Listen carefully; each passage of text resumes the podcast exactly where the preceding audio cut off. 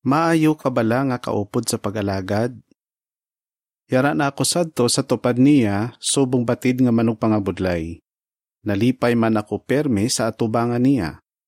Hulubaton 8.30 Ginalaragway sini nga bersikulo nga antis nagkadto sa duta ang anak sang Dios, malawig nga panahon nga nakaupod niya ang iya amay sa paghimo sang madamo nga hilikoton. Talupang da nga ginasugid man sini nga bersikulo nga nalipay si Jesus nga makaupo ng Dios sa pagpangabudlay. Natunan ni Jesus ang mga kinaiya nga nakabulig sa iya nga mangin maayo nga kaupod. Gani isang ari siya sa duta, maayo gid siya nga halimbawa sa sini. Paano makabulig sa aton ang iya halimbawa? Kung pinagbinago naton sing maayo ang iya halimbawa, mabalaan naton ang tatlo ka prinsipyo nga makabulig sa aton nga mangin maayo nga kaupod sa pag-alagat. Makabulig ini nga mga prinsipyo para mapaligo naton ang aton paghiusa.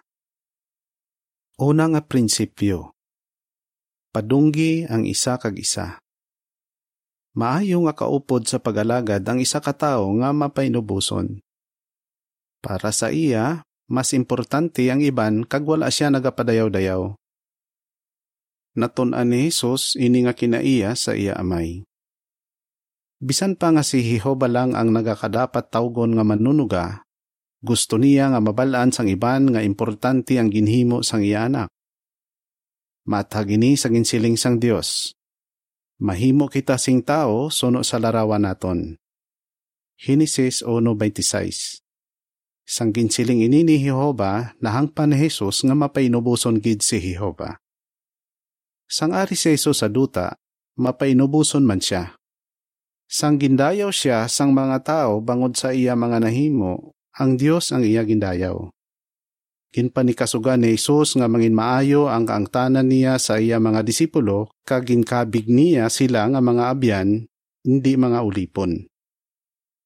Ginhinawan pagani niya ang ila mga tiil para tudloan sila nga mangin mapainubuson, dapat manaton padunggan ang aton mga kaupod sa pagalagad, kag hindi naton dapat pagunahon ang aton personal nga kaayuhan. Kon ginapadunggan naton ang isa kag isa, kag wala kita nagatinguha nga kita gid ang dayawon, madamo kita sing mahimo. Roma 12.10 Nahangpan man sang mapainubuson nga tao nga magamadinalag-on ang mga plano kon may madamo nga manuglaygay Hulubaton 15.22 Bisan pa madamo kita sang eksperyensya o kuni kasarang, dapat naton tandaan nga wala sing tao nga nakabalo sang tanan. Bisan gani si Jesus nagsili nga may mga butang nga wala niya nabalaan. Interesado man siya sa nabalaan o kon ginahuna-huna sang iya indi perpekto nga mga disipulo gani hindi katingalahan nga komportable sila kung kaupod nila siya. Kon mangin mapainubuson man kita, kag tandaan naton nga wala naton nabalaan ang tanan, kag kon pamatian naton ang mga ideya sang iban, mangin maayo ang aton kaangtanan sa ila. Kung nagabuligay kita, maga madinalagon kita sa aton mga hilikoton dapat gid ilugon sa mga gulang ang pagka mapainubuson ni Hesus. Sa tion sang meeting sang hubon sang mga gulang, dapat nila dumdumon nga pwede giyahan sang balaan nga espiritu ang bisan sinuman sa ila. Dapat sila magbuligay para mabatyagan sang kada isa nga pwede sila makahatag sang panugda. Kung himuon nila ini, makahimo sila sang mga desisyon nga makabulig sa bilog nga kongregasyon. Ikaduha nga prinsipyo. Ipakita ang inyo pagkamakatarunganon. Maayo nga kaupod sa pag-alagad ang isa ka tawo nga makatarunganon.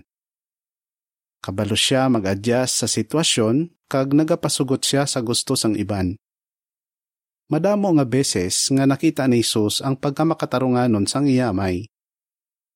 Halimbawa, ginpadala siya ni Jehova para luwason ang katauhan sa kamatayon nga nagakadapat kuntani sa ila. Kon kinahanglanon o kon nagakaigo, nagapasugot sa Jesus sa gusto sang iban. Halimbawa, bisan pa nga ginpadala sa Jesus para sa panimalay sang Israel, ginbuligan niya gihapon ang babayi nga taga Phoenicia. Makatarunganon man siya sa iya mga disipulo. Sang ginpanghiwala si Jesus sang iya suod nga abyan nga si Pedro sa madamo nga tawo, ginpatawad siya ni Jesus. Sang ulihi, ginhatagan niya si Pedro sang importante nga mga responsibilidad. Mathag sa halimbawa ni Jesus nga dapat naton ipakita sa tanan nga tao ang aton pagkamakatarunganon paagi sa pagpasugot sa gusto sang iban. Filipos 4.5 Kung makatarunganon kita, mabuligan man kita sini nga mag-adjust sa tanan nga klase sang tao. Gani, bisan sino man ang kaupod naton sa pagalagad, mangin maayo ang aton kaangtanan sa ila. Bagod maayo gid ang pagtratar ni Jesus sa mga kaupod niya, nahisa sa iyang iya mga kaaway. Nagsiling pagani sila nga abyan siya sa mga manugsukot sing buwis kag sang mga makasasala nga nagbaton sang iya mensahe. Mateo 11.19 Mailog bala naton si Jesus kag mangin maayo man ang aton kaangtanan sa mga kaupod naton sa pagalagad? Binagbinaga si Luis nga nangin manugtatap sang sirkito kag Bethelite sadto. Sari-sari nga mga tao ang nakaupod niya sa assignment. Nagsiling siya, Kung kaupod mo sa pagalagad ang sari-sari nga klase sang mga tao, daw pariho lang nga nagagamit ka sang mga bato nga sari-sari ang korte kag kadakuon para maghimo sang pader. Kinahanglan mo gid magpanikasog.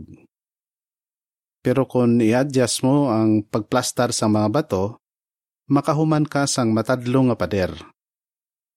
Ginapanikasugan ko man nga mag-adjust para mangin maayo nga akon kang tanan sa iban, kag para mahimo namon ang amon hilikoton. Maayo gid ini nga panimuot. Sa ano nga mga sitwasyon mapakita naton ang aton pagkamakatarunganon sa kongregasyon? Ang isa ka sitwasyon amo nga aton pagbantala kaupod ang mga kauturan sa aton grupo sa pagalagad sa latagon. Hindi palariho ang aton responsibilidad sa pamilya kag hindi man palariho ang aton edad. Gani dapat handa kita nga baguhon ang aton kadasigon sa paglakat dipindi sa kung sino nga aton upod o kon mag-adjust sa paagi sang pagbantala nga gusto sang aton upod para mangin malipayon pagid siya sa iya pag-alagad. Ikatlo nga prinsipyo. Manginhanda sa pagpaambit. Maayo nga kaupod sa pag-alagad ang isa ka tawo nga handa sa pagpaambit. Unang Timoteo 6.18 Samtang nagapangabudlay si Jesus kaupod ang iyamay, posible nga natalupang daniya nga wala sing may gintago si Jehova sa iya. Yara si Jesus ang ginhimo ni Jehova ang kalangitan, gani makatuon siya sa iyamay. Hulubaton 8.27 Isang ulihi, nalipay si Jesus nga isugid sa iya mga disipulo ang mga butang nga nabatian niya sa iyamay. Juan 15.15 dapat naton ilugon si Jehova. Dapat handa man kita nga isugid sa aton mga kauturan ang aton mga natunan. Wala ginasugid sang iba ng ila mga natunan sa ila mga kaupod kay gusto nila nga sila permi ang may kontrol sa iban. Pero ang maayo nga kaupod wala nagatago sa mga impormasyon nga kinahanglan sang iya mga kaupod. Sa baylo, dalipay siya nga isugid sa iban ang iya mga natunan. Pwede man naton paligunon ang aton mga kauturan. Kung natalupangdan sang iban ang aton mga pagpanikasog kag gindayaw nila kita, hindi bala nga nalipay kita? Gindayaw ni Jesus ang maayo nga mga ginhimo sang iya mga disipulo. Ginsilingan pagani niya sila nga magahimo sila sa mga buhat nga labaw pa sa nahimo niya. Juan 14.12 Sang gabi antis ginpatay si Jesus, gindayaw niya ang iya matutom nga mga apostoles. Nagsiling siya, Ginunungan ninyo ako sa akon mga pagtilaw. Lucas 22.28 Bangod sang iya ginsiling, napaligon gid sila nga himuon ang ilabugos nga masarangan. Kung pasalamatan man naton kag dayawon ang aton mga kauturan, Sigurado gid nga mangin mas malipayon sila kag madamo sila sang mahimo sa ila pagalagad. Pwede ka mangin maayo nga kaupod sa pagalagad. Ang isa ka brother nga si Coyote nagsiling. Hindi kinahanglan nga mangin perpekto ang isa para masiling naton nga maayo siya nga kaupod sa pagalagad. Kundi nalipay ang iya mga kaupod kun ara siya kag daw nagamag-an ang ila ginahimo. Amo ka bala sini nga klase sang kaupod? Pwede mo pamangkoto ng pila sa imo mga kauturan kung ano ang masiling nila parti sa imo. Kung nalipay sila nga kaupod ka, pareho sa ginbatyag sa mga disipulo ni Jesus ang kaupod nila siya, masiling mo man ang ginsiling ni Apostol Pablo. Mga masigkamanong pangabudlay kami para sa inyo kalipay. Ikaduhang Korento 1.24 Diri natapos ang artikulo.